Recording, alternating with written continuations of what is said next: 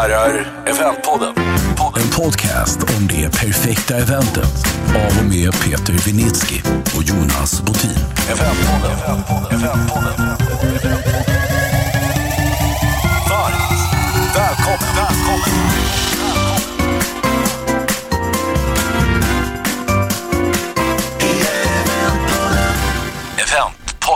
Nytt avsnitt i Eventpodden och Svenska möten ska vi prata idag Peter. Ja, ett sånt där varumärke som väl alla i mötesindustrin känner till och många kan men många vet nog inte alls vad det är för någonting om jag ska vara ärlig. Nej, Eh, då börjar jag i den änden att jag säger att, att Svenska möten är en organisation som guidar sina kunder genom hela mötesplaneringen. Ser till att alla möten och konferenser får rätt format och inramning. Det har jag läst mig till. Ja, det är bra. Men vi har ju med oss en expert på Svenska möten och dessutom den som bestämmer och styr. Sylvia Nylén, välkommen. Tack, tack. Eh, VD Svenska möten, Yes, Kul jag du- är VD sedan tre år tillbaka. sedan tre år tillbaka.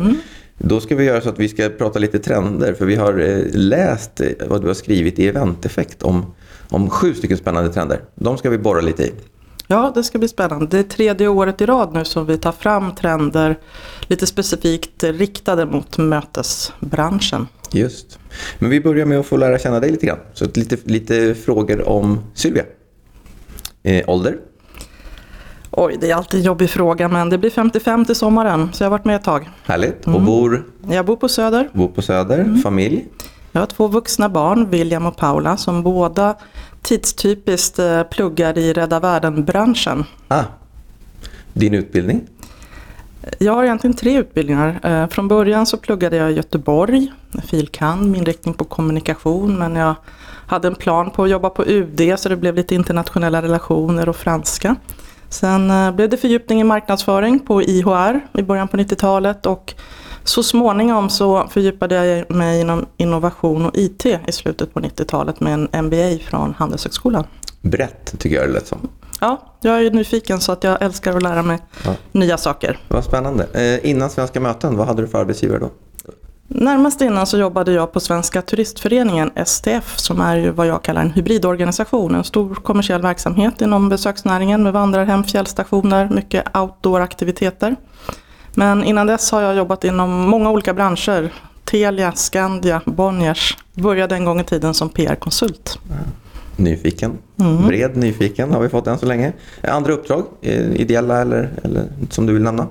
Ja, jag eh, sitter i styrelsen för en liten startup som är lite roligt. Ett Gotlandsbaserat företag som heter Roombler som har tagit fram ett, en, en app, ett hotellsystem för små, små anläggningar som behöver ha kontoret på fickan.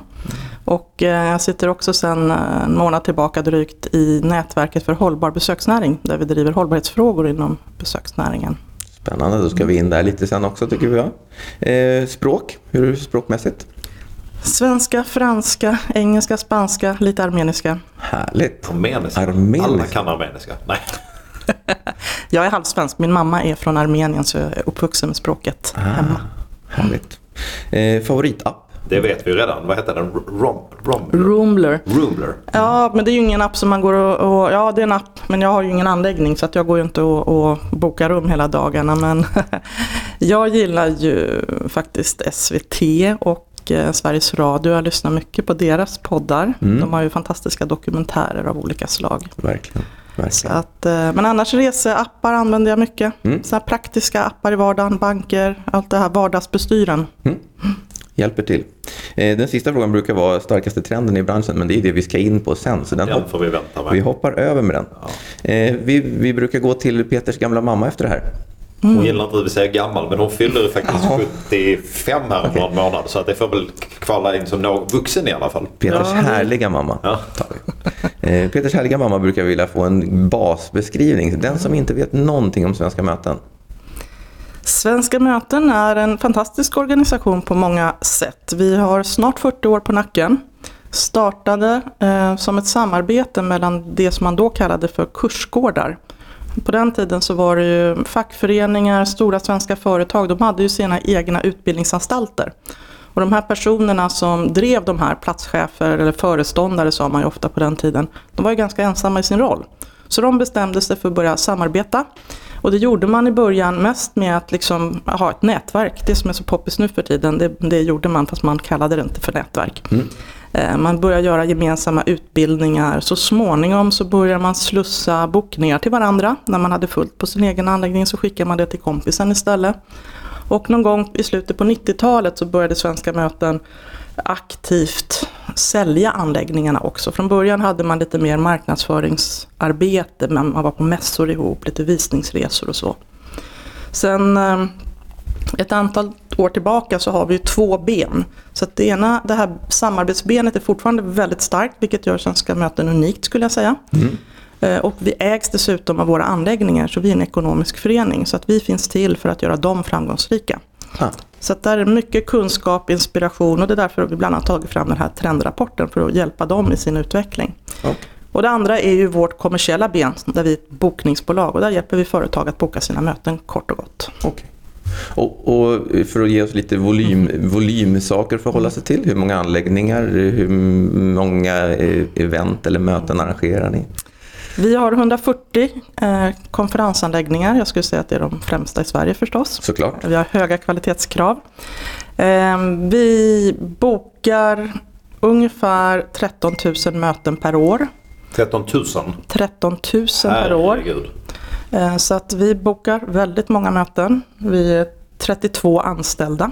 Vi har fantastiskt duktiga kollegor eh, som kan varenda konferensanläggning i Sverige utan och innan. Härligt. Mm. Härligt. Och vem är kunden? Vem kan man säga är kunden oftast för er? Medelstora, stora företag. Vi jobbar ju framförallt med avtalskunder. Funkar ungefär som en affärsresebyrå. Man eh, gör ett ramavtal med oss och sen styr man alla sina mötesbokningar via oss. Så det blir ett effektivare sätt att jobba för företaget. Mm. Härligt. Eh, varför ska man anlita Svenska möten? Vad är huvudanledningen? Det beror lite på vem man är faktiskt. Vi, vi pratar om tre olika målgrupper som vi jobbar mot. Det ena är de här avtalskunderna som jag pratade om tidigare. Och då riktar vi oss mot en travel manager, en inköpschef och anledningen till att man ska anlita oss då är att man får en väldigt effektiv inköpskanal för sina möten. Och vi kan garantera en hög kvalitet och professionalism ute på mötesanläggningarna. Hållbara förstås, svanenmärkta allihopa. Pratar vi med mötesbokaren så underlättar vi ju hans eller hennes arbete. Istället för att lägga massa tid på att och titta på anläggningar, eh, leta på nätet, få koll på dem, så ringer man mina proffsiga kollegor och de har örnkoll och efter en liten kort behovsanalys så kan vi inom ett par timmar rekommendera en anläggning som passar syftet och målet och gruppen. Och som är ledig kanske? Och som är ledig. Och som är ledig. Ja, Inte precis. den lilla detaljen. Får, jag ställa en fråga? Shoot. Om jag är, nu kommer djävulens advokat fram med mig. Nu är jag en mötesbokare och så ringer jag och säger att äh, men jag behöver en anläggning på ungefär de här premisserna den här dagen och vi är 150 man. Och så sa du innan att ni ägs av era anläggningar och ni hade ett, ett antal anläggningar, ungefär 140 stycken. Tänk om den här perfekta anläggningen för mig då inte är en av de här 140. Då får jag alltså inte den här perfekta anläggningen. Jo då, vi bokar även andra anläggningar än våra medlemmar. Okej. Okay. Så att eh, i och med att vi har den här affärsmodellen med avtalskunder så måste vi ju lösa alla mötesbehov. Mm. Självklart så tittar vi, vi frågar kunden, vi kollar behovet, eh, vi tittar finns det någon av våra som passar, speciellt om det är en avtalskund. För där är det ju där, vi kan ju garantera helt andra saker med våra egna anläggningar. Men vi bokar, vi har, vi har eh, samarbeten med eh, många av hotellkedjorna också. Där vi vet att de också står för en hög hållbarhet etc. Så att eh, vi utgår alltid från kundens behov och vi bokar även ovanliga mötesplatser om det skulle finnas sådana eh, önskemål. Kyrkor har vi bokat till mm. exempel. Mm. Det blir det som behövs så att säga. det blir det som behövs. Ja, härligt, härligt. Ska vi ge oss på trenderna? Och resonera lite kring? Ja. ja. Den första heter så här. Ledare sökes. Alla företag måste vara beredda på att ta ett synligt samhällsledarskap eller bli utkonkurrerade. Det finns en förväntan att chefer proaktivt vidtar åtgärder innan lagstiftare gör det och hela 81% av svenskarna anser att VD bör hållas ansvarig för sin miljöpåverkan. För mötesbranschen innebär det att anläggningar måste bevisa hur de proaktivt arbetar för ökad hållbarhet, till exempel genom svanenmärkning. Rådgivning till mötesköpare för hållbara möten, miljövänliga transporter och vegetariska menyer.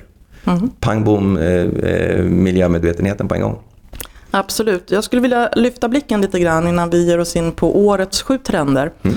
Det här är ju tredje året i rad nu som vi tar fram en trendrapport. Eh, I första hand för våra medlemmar men sen går vi ut och berättar om den förstås i andra sammanhang. Och vi har tagit avstamp i ett antal megatrender och de megatrenderna har ju varit, de är ju de samma. För megatrender kan ju hänga i från 20 till 200 år. Eh, Eh, och de i sin tur styrs av det liksom värdesystem som finns i samhället precis där och då. Och vi lever ju i västvärlden, därför är det ju vårt värdesystem. Och de megatrenderna som vi tar avstamp i är ju då dels geopolitisk oro. Och det är ju en trend som är väldigt oförutsägbar. Eh, vi har en ganska kaotisk politisk situation i stora delar av västvärlden, inte minst här i Sverige har vi ju sett det under hösten. Och vi har ett antal personer som Trump, Erdogan, nu tappade han makten hörde jag på radion idag faktiskt. Är det så? Har det ens varit val där? Eh, Det har, varit- det, har varit, det, har varit varit loka, stökigt. det har varit Mm. lokalval i Turkiet och i de största städerna så har eh, oppositionen vunnit. Så det ska bli väldigt intressant om de får vinna eller inte. Ja, för det var precis. fortfarande inte officiellt. Men Mm. det var en liten sido eh, del. Men, men geopolitisk oro det påverkar ju samhället i stort och det gynnar ju Sverige som mötesland. För att vi är fortfarande ett av de tryggaste och säkraste länderna i världen. Vi har också det som eh, kallas för expon- exponentiell utveckling. Det är ett svårt ord, jag snubblar alltid på tungan. Eh, och det är ju den snabba tekniska utvecklingen. Teknologin, nanoteknik, eh, AI, allt det där. Det Mm. påverkar ju på olika sätt. Och eh, transformationsekonomin som kanske är den som genomsyrar många trender på olika sätt. Och det handlar ju mycket om det här, man tänker sig Maslows behovshierarki, det tror jag de flesta är bekanta med. Så har ju vi alla våra behov med råge tillfredsställda, i alla fall de flesta som lever i vårt land. Därför söker ju vi hela tiden nu kickar, meningsfullhet och så vidare. Meningen med livet om man så vill. Och det här är ju en megatrend som genomsyrar mötesbranschen, upplevelsebranschen något enormt just nu skulle jag säga. Mm. Vi har också superglobaliseringen. Ehm, Stockholm är ju en av världens snabbast växande städer till exempel. Och eh, förstås hållbarhet plus som vi har valt att kalla det. Mm. Och då kommer vi in på den här, så det är de megatrenderna Som som, som, som vi Mm. tittar på varje år. Så de föder ju kan man säga då ett antal här och nu-trender. Men du vänta en passus där då. Mm. Eh, och, och jag, jag hör vad du säger. Och sen när ni tar fram rapporten, hur, hur, hur framställs den då? Alltså var Mm. hämtar ni materiet? Det var bra att du ställde den frågan. Det här är alltså inte någon kvantitativ trendrapport utan det här är en, eh, det är en kvalitativ rapport. Eh, jag ägnar ganska stor tid av, del av min tid till att eh, trendspana. Jag letar tecken i tiden, jag går på konferenser, jag läser, reser. Eh, och eh, vi har ju alla våra spanare eh, inom Svenska möten, alla våra anläggningar. Så att jag efterlyser med jämna mellanrum spaningar, tecken i tiden etc. Sen är vi ett litet gäng på tre personer. Det är jag, eh, Bibi Rydbacken, vår marknadschef och en extern eh, tjej som heter Ylva Björnberg som är väldigt duktig på just det här med trender. Mm. Så framåt höstkanten så sätter vi oss ner och så tar vi allt det vi har samlat på oss och eh, bollar, diskuterar och eh, vad ska man säga, paketerar ihop det här till vad vi tycker då är årets trender. Och eh, med trender då så försöker vi också ta de som vi ser faktiskt är här och nu. Det är inte, man ska inte kunna stoppa huvudet i sanden och säga att det där är någonting som kommer, vi, vi, ja, ja, ja, ja. Mm. Eh, och utan, sen är det ju upp till våra medlemmar att förhålla sig till dem. Men de här de trenderna påverkar ju deras koncept och vi gör ju det här för att de hela tiden ska ligga i framkant utifrån vad marknaden efterfrågar. Helt Tycker de enkelt. inte ni är jobbiga då? Lite. Säger jag lite provocerande? Lite, Ja. lite, absolut. En del tycker att det här är jättebra. Eh, en del kanske tycker att vi slår dem lite på fingrarna, eh, självklart. Eh, men vi fortsätter med en dåres envishet. Och det är roligt nu, för efter tre år så är det fler och fler som börjar verkligen förstå nyttan. Från början kanske det här var en kul föreläsning med lite trender. Nu ser vi att fler och fler av våra medlemmar faktiskt tar till sig det här och använder det när de ska utveckla sina anläggningar. Jag blir oftare och oftare inbjuden till deras styrelsemöten för att de när de ska börja titta på sin planering, utveckling och som ni vet i den här branschen så ehm, man renoverar med jämna mellanrum, man utökar med jämna rum, man, man tajtar till sina koncept, man utvecklar sina koncept. Och, eh, och då skulle jag säga att det här är ett bra hjälpmedel. Mm. Och det var ju fritt för var och en att använda det på det, det sättet man ville. Så det, Absolut. Ja, just. Mm. Då har vi fått en bild av hur ni har tänkt kring mm. själva rapporten. Och så det var en otroligt lång brygga till svaret på din fråga för typ en timme sedan. ja, nej, nej, nej. Det var ju kvar där på, på ettan, första spaningen, eller hur? Mm. Ja, men precis. Och, och då är vi ju på ansvaret för miljön, miljöpåverkan.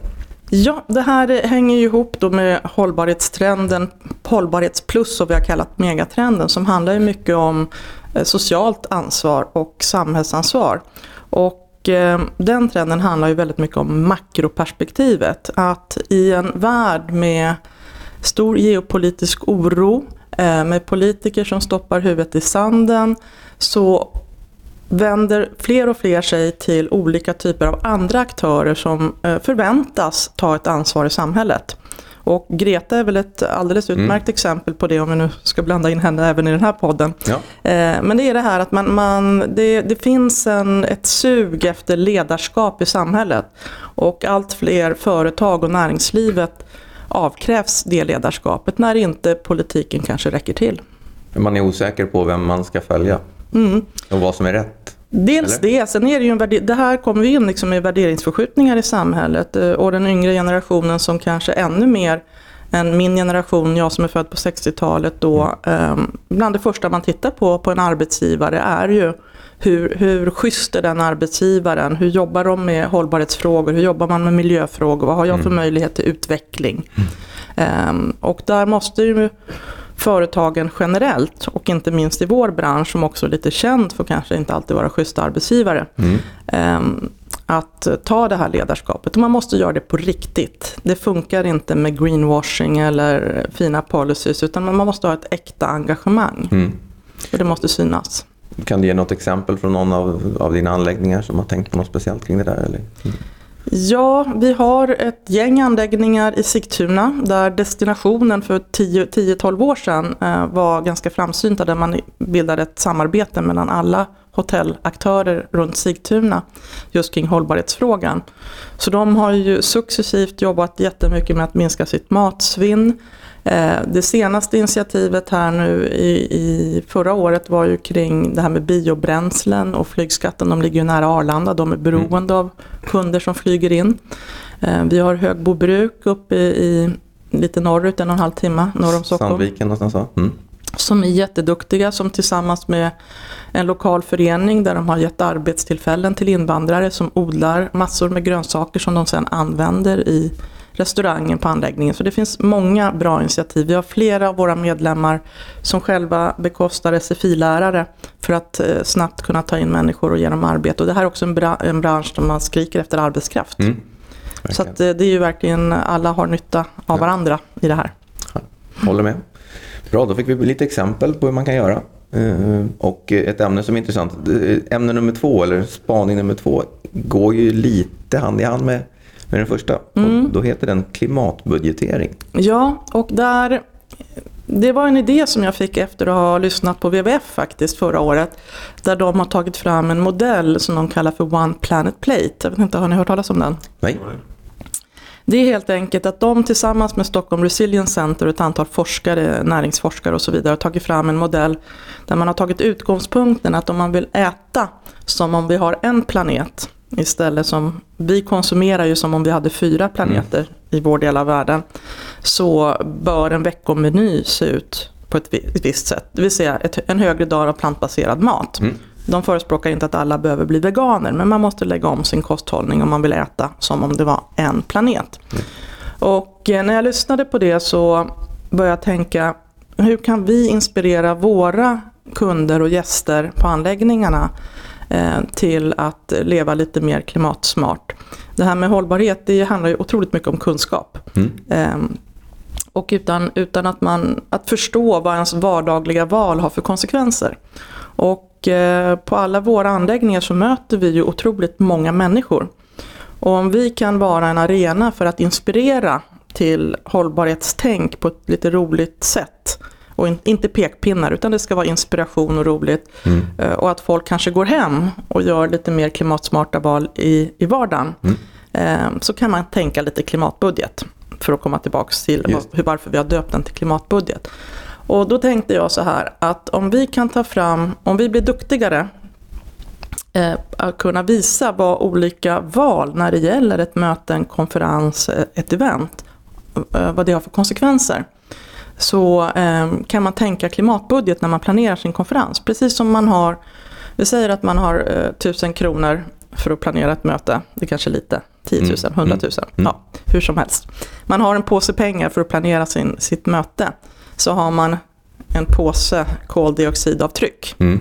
Det vill säga, väljer man biffen till middagen så kanske man får välja en skogspromenad, ett skogsbad som aktivitet istället för en ribbåtstur. Mm.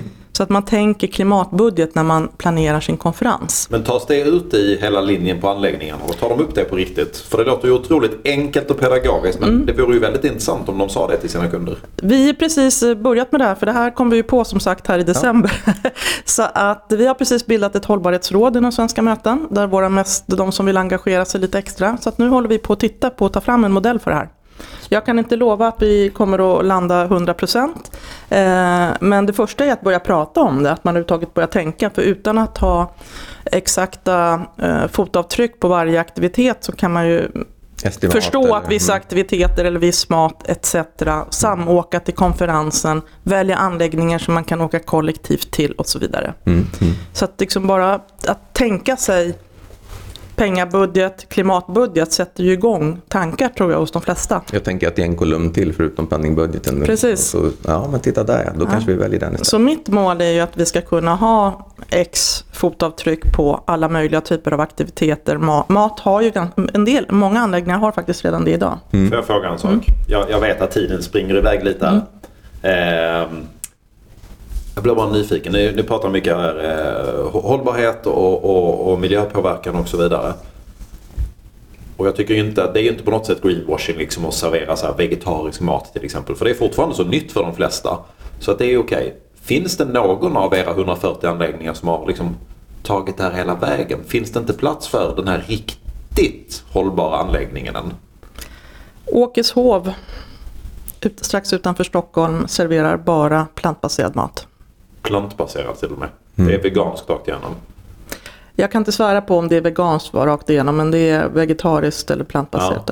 Ja. Precis. in, för, utan att du avslöjar något som du inte får, men funkar det liksom? Vad, vad tycker marknaden? Faktum är att jag fick reda på det här i morse. Ja, och Jag du vet- har inte svar än alltså. För de är, en ganska, de är en ganska ny medlem hos oss och eh, vi var och hälsade på en av deras systeranläggningar i Skytteholm i morse. Och då berättade de att de har, har en stamkund, ett företag som nu har som policy att bara ha vegetarisk mat på sina eh, konferenser och de sa att det är inte vår styrka här så vi har skickat den kunden till Åkeshov för där har de det. Så det är faktiskt en nyhet för mig, jag ska kolla upp det. Mm. Ehm, Eller så rekommenderar vi den som planerar ett möte att faktiskt testa. Ja, Äh, men det är, det, är, det är en liten utmaning i det här för väldigt många mötesbokare, vilket är ju kanske inte alltid de som deltar på konferensen, eh, har det här som krav mer och mer, eller åtminstone att ena måltiden ska vara lunchen till exempel.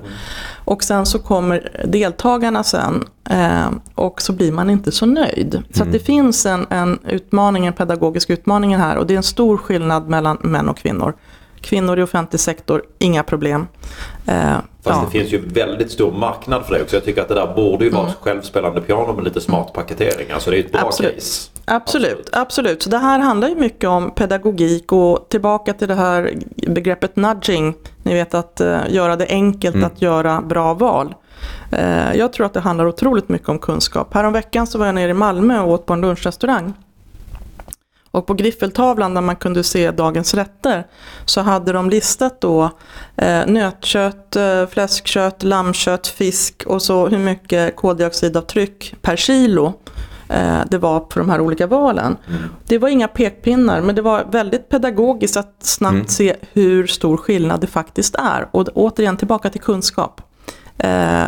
Utan att det blir pekpinnar. Viljan finns nog där hos väldigt många. Det tror jag men, också. Men kunskapen och enkelheten. Jag det. menar, när jag lyssnade på WWF, jag som tycker att jag är hyggligt eh, medveten och insatt, jag hade inte förstått hur stor skillnad det var på att äta ris eller potatis. Ja, Ris är mycket värre än en potatis. potatis. Det lärde jag mig nu kan jag säga. Ja, Dags att byta kost Peter. Ja. Vi går på, på eh, spaning nummer tre som heter komma bort. Vad Mm. vill du stoppa in i den?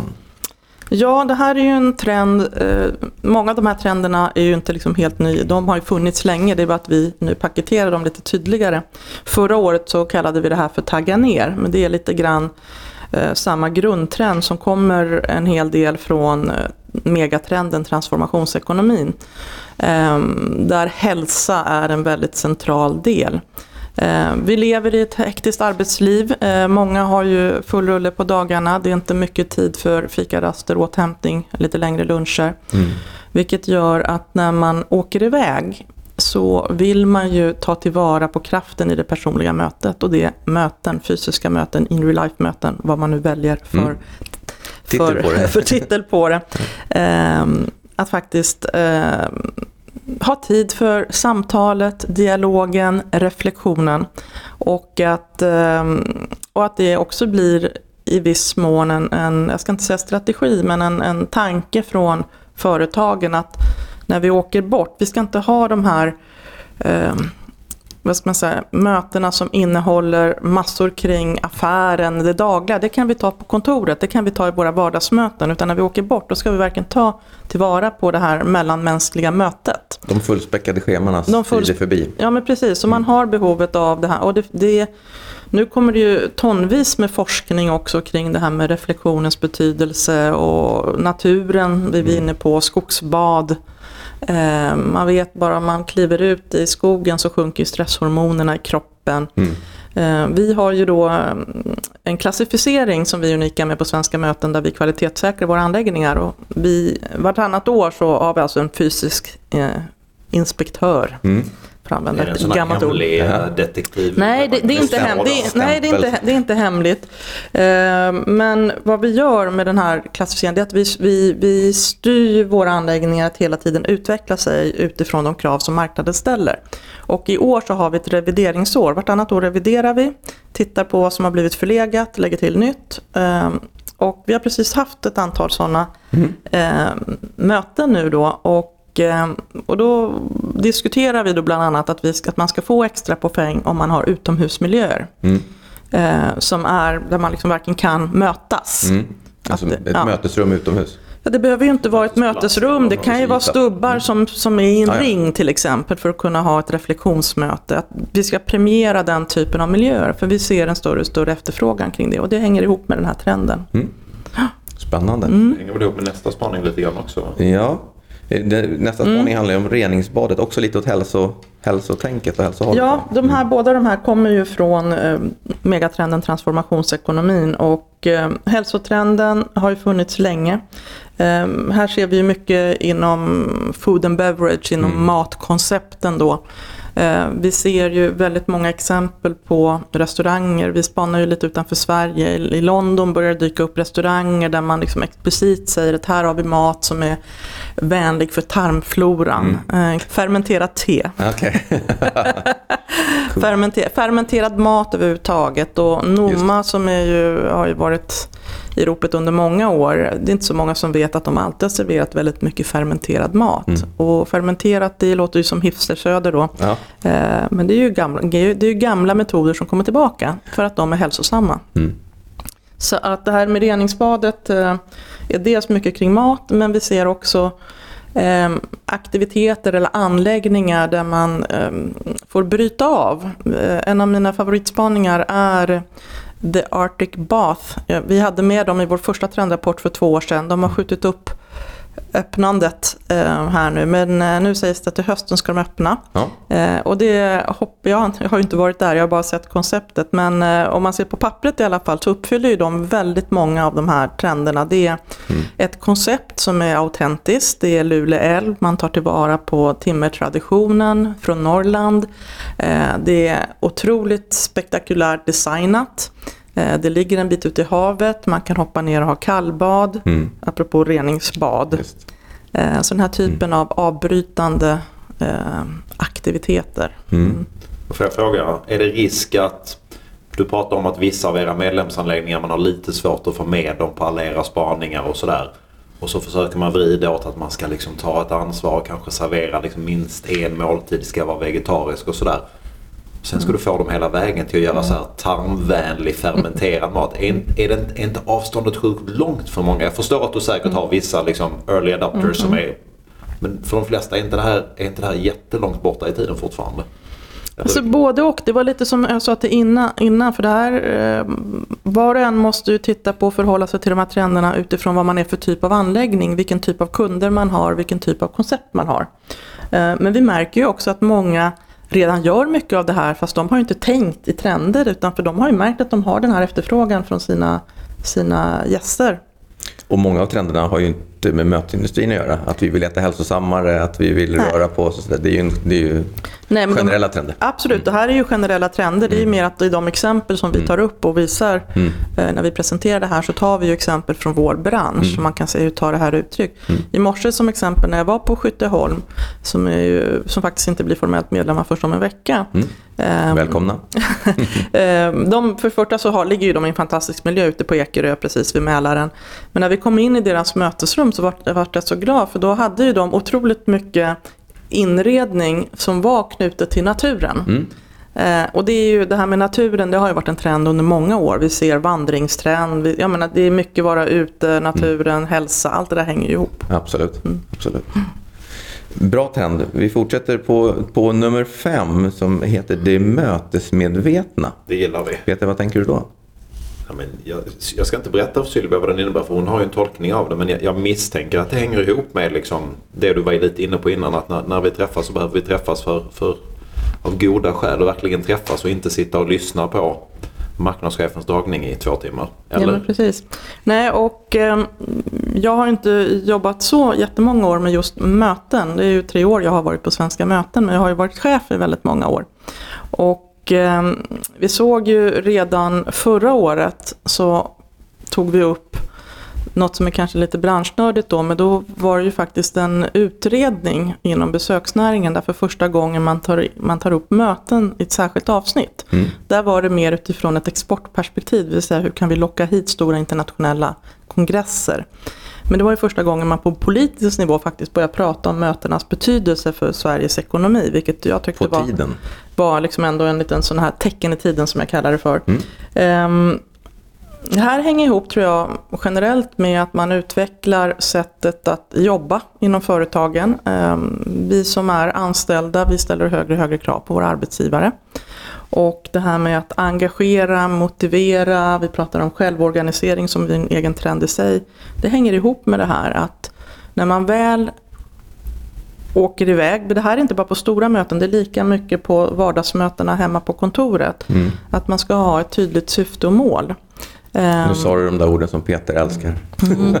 vi, vi, vi har ju också gjort en annan undersökning som vi har gjort för andra året i rad nu där vi, där vi mäter möteskulturen i svenska företag och organisationer. Och eh, när vi efter att ha gjort den undersökningen, den bekräftade den bilden vi, vi hade känn, på känn så att säga. Att man är lite slarvig med syfte och mål. Ja, men, och, eh, men vi kunde faktiskt inte drömma om att det var så förfärligt som det faktiskt är. Så eh, där har vi tagit upp vad jag kallar för kampen mot slösmöten. Eh, för det här skapar inte bara frustration hos den enskilda medarbetaren, som, det blir ett arbetsmiljöproblem. Det skapar stress. Om man sitter på massa möten eller är på massa möten som man tycker man kunde använda tiden bättre, så blir ju det eh, stress och i värsta fall liksom ett arbetsmiljöproblem. Men det handlar också om stora pengar. Eh, vi räknade ut ungefär vad det här skulle innebära i pengar och vi räknade lågt och det blev alltså 170 miljarder kronor. 170 miljarder kronor. Det är tre, fyra gånger mer än vad sjukskrivningarna kostar i Sverige. Det är sjukt mycket pengar. Dessutom så är det så att eh, de mötesledarna oftast är chefer. Och då blir ju de lite, alltså de, det är ju inte kul att känna att det här blev liksom inget bra möte. Så det blir ju också dåligt ledarskap. Mm. Så att, eh, och, och vi märker ju bland våra kunder att det här med att, eh, att eh, vilja lära sig mer kring hur man gör bra möten ökar. Mm. Det är bra. Ja, Det så vi, vi väldigt blir inbjudna oftare och oftare ut och prata möteskultur hos våra kunder. Och det tycker vi är jätteroligt. Och ni hjälper också till med lite rådgivning och sådär kring det? Vi hjälper till med Mm. enklare rådgivning. Sen har vi samarbetspartners. För, som vi kan göra en enklare inspirationsföreläsning. Mm. Och vi har väldigt mycket content på vår hemsida med vad jag kallar hjälp till självhjälp. Mm. Checklistor. Då tipsar vi om att gå in och kika där. Ja. Så den, det, det företaget som tror att de är svenska möten, dit ringer man bara för att få en konferensanläggning och inget mer. De är inte helt uppdaterade. De är absolut inte uppdaterade utan vi ser oss som en one-stop shop för möten. Så att det vi inte kan göra själva in-house, det har vi. Vi har en rad olika samarbetspartner som är specialister på olika områden. Allt från bästa inspirationstalaren till att göra ett stort event till eh, att få eh, konsultativ rådgivning för sina interna möten. Till att köra en buss till mötet är jag övertygad om också om det behövs. Absolut, aktiviteter. Ja. Kan man fråga, tycker ni att förfrågningarna ni får från kunder, skil- är de på väg åt det där hållet också? Hör man på förfrågningen att det här är några som vet vad de ska, ska göra för någonting? Det är egentligen lite olika trender där. När vi, när vi ser på själva mötesbokaren som är kanske den person som vi mest har haft kontakt med så ser vi ju en förändring eh, där från de här proffsbokarna som jag kallar dem och som ofta har ju varit chefsassistenter, sekreterare och så vidare som har varit duktiga på att kravställa logistiken. Eh, men att eh, de försvinner ju mer och mer. Och sen är det sådana som jag som kommer på i sista sekund att man borde ha bokat något och som inte vet hur man ska göra. Så jag vill ju ha rådgivning. Därför har vi utbildat både oss själva på Svenska möten och alla våra anläggningar i att aktivt, mycket duktigare på att ställa rätt frågor för att kunna fastställa liksom vad är det man behöver hjälp med. Mm. Men, så att det, det beror ju på, själva mötesbokaren kanske inte alltid är, är kunnigare, men man vill ha hjälp. Mm. Man inser, vågar fråga. Ja, man vågar fråga och man inser att det är viktigt. Det hänger väl ihop med hela trenden. Alltså, även, det ställs väl krav både internt och externt rimligtvis på mötesbokarna. Även om man är en proffsbokare och har suttit och gjort det där Absolut. i 30 år så märker man att det duger inte att bara komma med fyra väggar och ett tak längre. Det måste till någonting. Nej men absolut inte. Och när det är de här lite större mötena, som kanske en personalkonferens eller någonting i den stilen, eh, så lägger man ju mycket större vikt nu att man ska ha en tydlig röd tråd för mötet. Och att det här med aktiviteter, det är inte bara liksom att nu konfererar vi en dag så har vi en rolig aktivitet på slutet, utan aktiviteterna är mycket mer integrerade i hela programmet. Det kan vara pausjumpa, det kan vara liksom miniyoga, det kan vara alla möjliga saker så att hela mötet blir mer interaktivt. Då tar vi punkt nummer sex som heter talanginnovation. Mm. Ja, det handlar ju, det är ju ganska riktat egentligen kanske till branschen eh, i sig för att det är ju väldigt svårt att få tag på personal eh, på hotell och restaurang och konferensanläggningar. Och eh, det här hänger lite grann ihop med trend nummer ett då. Att man eh, behöver tänka till och vara lite kreativ kring hur man kan locka till sig eh, människor som vill jobba i den här branschen.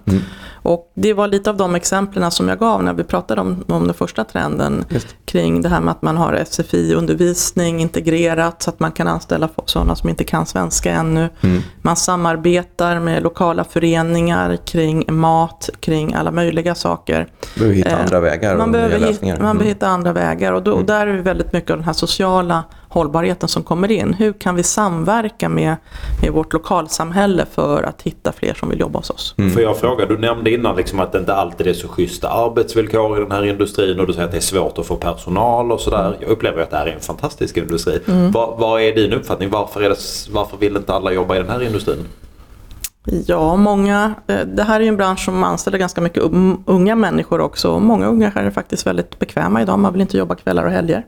Och jag kan tänka mig att det också kanske kopplat till era anläggningar. Många av dem ligger ju otroligt vackert och naturskönt en bit bort men det kanske inte är superenkelt logistiskt att jobba då där. Man behöver bil, man behöver körkort eller vad det nu är för någonting. Nej men absolut, så, så är det. Så att det, unga människor kanske inte vill jobba udda arbetstider. eh, Det krävs körkort. Vi vet att fler un, unga människor i storstäderna inte tar körkort överhuvudtaget. Ehm, Det, det är ju också, eh, man ska ju inte sticka under stol med att det är ju, jag ska inte säga en slitig bransch, men det är ju obekväma arbetstider och man måste gilla service. Jag tänkte säga det, service är ju det man måste gilla, inte att bli servad utan att Nej. serva.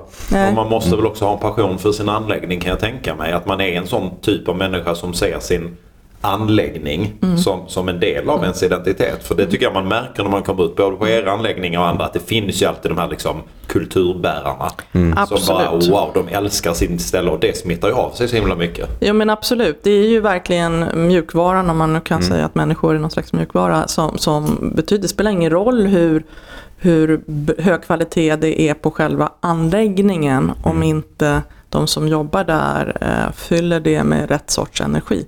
Eh, jag, besöker, jag har ju förmånen att besöka väldigt många ställen och så fort jag kliver innanför dörren så känner man eh, kulturen, energin.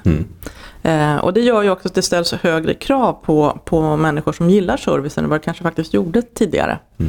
Och att man måste vara en del av anläggningen på ett helt annat sätt. Man kan inte bara gå dit och stå i receptionen eller servera och göra sitt jobb. Det räcker inte. Mm. Sig. Nej. Men en bra, en bra inkörsport eh, i arbetslivet. Absolut. Lära sig service, lära sig eh, hantera många olika människor. Och många av våra anläggningar jobbar ju nu väldigt hårt också för att det ska bli, finnas fler möjligheter till utveckling eh, på olika sätt och samarbetar mellan varandra så att man kanske får prova på olika saker och så vidare. Men det, det, det kompetensförsörjningen är en av de stora frågorna i, i, vår, i hotell och, och restaurangbranschen. Och då tror jag att det är skitsmart som ni gör också vet jag att, eller som du sa också, att leta bland annat kring nysvenskar som kommer hit. För jag kan säga att nu ska jag inte på något sätt eh, Åh jo. Nej, men jag, ska, jag, ska, jag ska inte på något sätt eh, dela upp folk i grupper och så vidare. Men om vi gör det till en positiv koppling så är det ju så att några av de mest passionerade människorna man träffar i den här branschen överhuvudtaget liksom på anläggningar är ofta folk med ett utom mm, europeiskt ursprung. De som liksom verkligen har den här passionen och viljan och som har fått en sån otrolig möjlighet. De har flytt dit utan någonting och så får de jobba på Skytteholm till exempel. Och då älskar de det av hela sitt hjärta och stannar där kanske hela sin karriär och blir en del av anläggningen. Så jag tror det är Absolut. otroligt strategiskt rätt att våga Absolut. göra det. Därmed inte sagt att det inte finns liksom gammelsvenskar som är lika passionerade. Men det finns väldigt mycket potential där. Man får leta brett för Ja. passion kan man säga. Ja, så med den här trenden, vad vi ville göra egentligen, som sagt den kanske är lite mer inriktad inåt i vår organisation, det är att visa på bra exempel på anläggningar som har hittat kreativa sätt att hitta personal.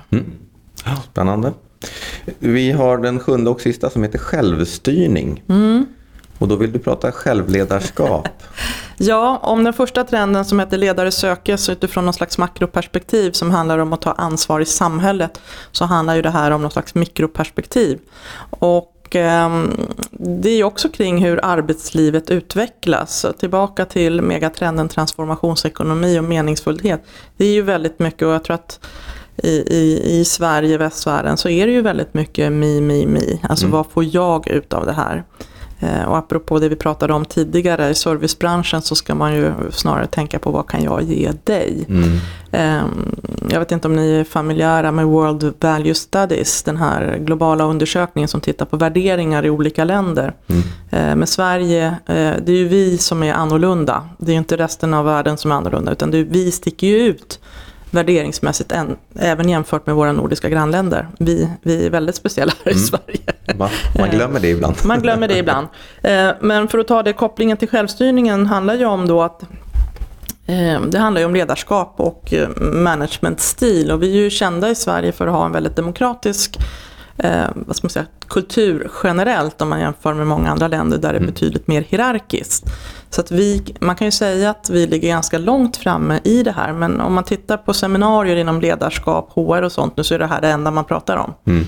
Ehm, och så jag har, jag djupdök lite i det för att se, är det kejsarens nya kläder eller vad är det för något? Ja, och vad fann du? Ehm, Ja, men det jag fann det var ju att mycket är ju sånt som vi kanske känner till sedan tidigare, men att det handlar ju om självbestämmande i någon slags, att man, förut pratade man om målstyrda organisationer och jag skulle säga att det handlar ju kanske om det i grunden. Det handlar om att, men för att få folk att kunna styra över sin egen, för det, det finns ju mycket forskning som säger att om man kan styra sin egen liksom, vardag eller så, så, så mår man bättre helt enkelt. Och det här handlar ju om det, om hur skapar man förutsättningar för det i ett företag? Ja, ett, man måste ha väldigt tydlig riktning, tydligt syfte, mål, vision, mission, vad man nu väljer att kalla det för. Mm. Nummer två, vad ställer det för krav på individen? Och det är väl här eh, utmaningen kommer, tycker jag, för det kräver ganska Ansvar och befogenhet? Nej, men det, det, kräver mogna människor. Alltså det kräver en hög grad av självinsikt. För man behöver samverka, samarbeta med andra människor utan att man kan springa till mamma eller pappa och säga att kollegan är dum. Om jag hårdrar det lite grann. Utan här måste man ju hitta, eh, vilket kräver att man har hög självkännedom. Man måste veta hur man själv funkar i relation till andra människor. Eh, man måste vara rätt prestigelös eh, och så vidare. Så att på individnivå så behöver man ju ehm, ja, ha hög, och det, där ser vi ju mycket också i arbetslivet, det här med personlig utveckling och allt det här handlar ju om det. Mm. På, på organisatorisk nivå så behöver man ha väldigt tydliga ramar för det, det, är klart att självstyrning inte innebär fritt valt arbete utan det, det, är ju hela tiden i linje med vad den organisationen mm. eh, ska göra. Ska vägen. Mm. Väldigt, väldigt svenskt mm. som du var inne på. Det här är ju prova att sätta det händerna i en, ett finskt företag. De kommer gå i konkurs på en kvart. Liksom. Ja, du kan välja nästan Fast man pratar ju om det här väldigt mycket internationellt. Det finns ju ett antal TED-talks på det här området. Så det här, vi, vi är ju lindan av det här. Men frågan är liksom, man måste ju hitta sitt eget recept beroende på vad man är för typ av organisation. För det är ju också så att liksom, eh, och det, det, det, är inga quick fixes. Det kan låta väldigt bra på pappret men man måste börja jobba väldigt, tror jag, systematiskt. Jag, jag tycker det här är eh, eh, vad ska man säga, en fantastisk vision. Eller man ska säga. Jag, tycker, jag, jag tycker det är bra med den här typen mm. av utveckling. Men det ställer väldigt höga krav. Men är på, de igång då, era anläggningar? Vågar de ta upp den här stafettpinnen? Eller är det för tidigt för dem också? Hotell och restaurang är ju av tradition ganska hierarkiskt. Man har väldigt tydliga roller. Eh, så jag tror att eh, det är inte den branschen som ligger i framkant. Som med mycket annat så har vi ju tech startups och tech, som, det är de som är lite förebilder inom det här. Man, mm. man jobbar i team, man liksom jobbar agilt. Man, men det här börjar liksom successivt smitta av sig lite grann. Eh, men sen kan det ju vara en resa i en organisation där man inte är van att varken få eller ta ansvar. Eh, och i början så är det jobbigt också för det är mycket lättare att delegera uppåt till chefen för då slipper man ju ta ansvar. Mm. Det, det eh, finns så, att, många eh, vinklar mm, på det. Men det här kommer ju för, liksom, det kommer ju inslag av det här mer och mer. Och det här är ju återigen när de yngre generationerna kommer in i arbetslivet så ställs ju mer och mer av den här typen av krav. Mm. Och då behöver man ju hitta på, okej okay, vad innebär det här för oss? Mm. I vilken grad, vad får man bestämma? Hur mycket är detaljstyrt och vad går att bestämma och så vidare. Mm. Men ja. det handlar kanske mycket mer om att ha Istället för den här traditionella hierarkin så kanske man har grupper, samrådsgrupper, man har företag som har infört det här fullt ut så betyder det inte att individen kan bestämma allt utan har man en idé så måste man kanske alltid prata med experten på företaget. Man kanske måste ha en, gå via någon slags rådgivningsgrupp. Eller, alltså man måste hitta mm. metoder för ja, hur besluten fattas. Mm. Men man vågar försöka i alla fall. Ja, men jag tycker det är väldigt spännande att titta på olika företag som har börjat anamma det här lite mm. lite, längre, lite mer fullt ut. Mm. Spännande. Sju intressanta trender har vi fått. Mm. Vad, eh, om du skulle ge mötesplaneraren några riktigt eh, bra råd för sitt nästa möte, vad skulle, du, vad skulle du ge dem för avslutande råd? Med risk för att vara lite traditionell och tråkig så skulle jag säga syfte och mål det är ju mötets Nej, det är inte hel... det är möt... Jag brukar kalla det för mötets heliga graal. Mm. Eh, om man lägger lite tid och energi eh, på att faktiskt verkligen fundera igenom det, då, då har man så mycket tidsvinst i resten av planeringen. Och det är svårt. Alltså jag tycker själv att det är svårt även om jag har hållit på med det här så himla mycket. Dels i mina tidigare chefsroller men nu när jag jobbar med det hela dagarna, de här frågorna så är det svårt att formulera ett bra syfte och mål. Mm. Både för det stora mötet och för det lilla mötet. För ofta så behöver man ställa sig frågan varför minst 5-10 gånger innan man landar rätt. Mm. Bra råd. Mm. Syfte och mål. Jag kan glädja dig med att jag träffade faktiskt din föregångare, personen mm. som hade ditt jobb innan dig i ett helt annat sammanhang för ett tag sedan. Mm. Och han sa så här, men vi jobbade ju jättemycket med syften och mål på svenska möten och det är så himla roligt för att jag har med mig från den tiden, det var då vi hade en mm. relation. Eh, och då, eh, jag är fortfarande riktigt nitisk när det kommer till mina möten. Syfte och mål i varenda liten mötesinbjudan och folk skrattar lite åt mig men jag tycker att det är helt rätt så att det finns ju kvar där i väggarna, det är väl positivt. Absolut, så att börja med syfte och mål. Eh, sen beror det helt på vad det är för typ av möte. Är det liksom det, det veckomötet eller är det det stora kickoffen? Vi tar en fika i köket kvart över tre. Syfte? Ah, ja, ta en fika kanske. Vid rätt tillfällen såklart. Och sen med, i, i mötet, det är väl ett annat eh, sånt där som jag märker att det slarvas med oavsett om det är stora mötet eller mötet. Ha tydliga roller. Mm. Alltså, vem är mötesledare? Mm. Vem är den som dokumenterar? Vem är facilitator? Eh, tydligt syfte och mål och tydliga roller. Och då är vi tillbaka i det här lite svenska. Att liksom, det är lite jobbigt att, liksom, att någon vågar liksom, ta kommandot. Jag vet inte på hur många möten som jag har varit på liksom, där mötesledarskapet är väldigt diffust. Vilket gör alla andra frustrerade Så på mötet. Det blir ett helt annat möte än det det Ja, tänkt. våga ta ledarskap skulle jag säga. Ja. Sådana möten stjäl ju energi istället för att tillföra energi. De är ju riktiga tidstjuvar. Mm. Vi håller på Peng- med Och pengar om vi räknar på, på det sättet. Du, vi brukar ha en liten blooper som, som avslutning varje gång. När, när någonting gick tokigt. På svenska möten går det aldrig tokigt. Men, men någon gång kanske lite sådär svajigt. Ni måste ha bokat någon anläggning i fel, Fel land ort. eller fel år eller någonting någon gång. Det kom tusen man, vi trodde det skulle komma tio. Någonting måste ha Ja, hänt. det måste det säkert ha gjort. Det finns inget så vitt jag vet under mina tre år så jag har faktiskt lite svårt att svara på den frågan. Ehm, Men jag kan ju säga exempel där möten som jag har varit med på som har varit lite tokiga om det kan vara Berätta. någonting att lyssna Berätta. på. Ehm, Jag var på ett, eh, en nordisk konferens förra året faktiskt i Finland och det var en organisation närliggande inom mötesbranschen. Och Då har man ändå samlat kvalificerade människor från ja, tre, fyra länder Norden. Ehm, och det mötet var inte tydligt genomtänkt.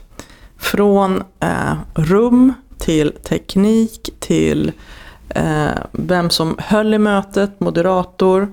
Och jag vet inte om det bara var jag som märkte det eftersom jag, nu, nu blir jag ju lite så där övernitisk med att kolla sånt där förstås. Alla i Men- rummet men- borde om men- det var branschkopplat. Eh, ett sånt där otroligt vanligt fel, eller fel, men sånt där som jag tycker är väldigt irriterande. Är, på väldigt många större sammankomster så, så är ju en viktig del av mötet är att mingla och nätverka. Och man skapar inte miljöer där det faktiskt går att mingla och nätverka för ljudnivån är så förbaskat hög. Så man, man kan inte prata mer än två personer som skriker i varandras öra. Alltså man, det främjar inte mötets syfte att nätverka och det här är jättevanligt. Det är jätte, jättevanligt. Inget bra möte. Inget bra möte. Eventpodden. Ehm, då fick vi lära oss att vi ska vara noggranna med kunna mingla i alla möten som avslutning. Eh, tack för att du ville vara med oss. Tack, det Jättekul. var kul att få komma hit. Fortsatt lycka till med trendspanandet Tack, tack. och eh, tipsar om svenska möten. Tack för idag Peter. Tack så mycket.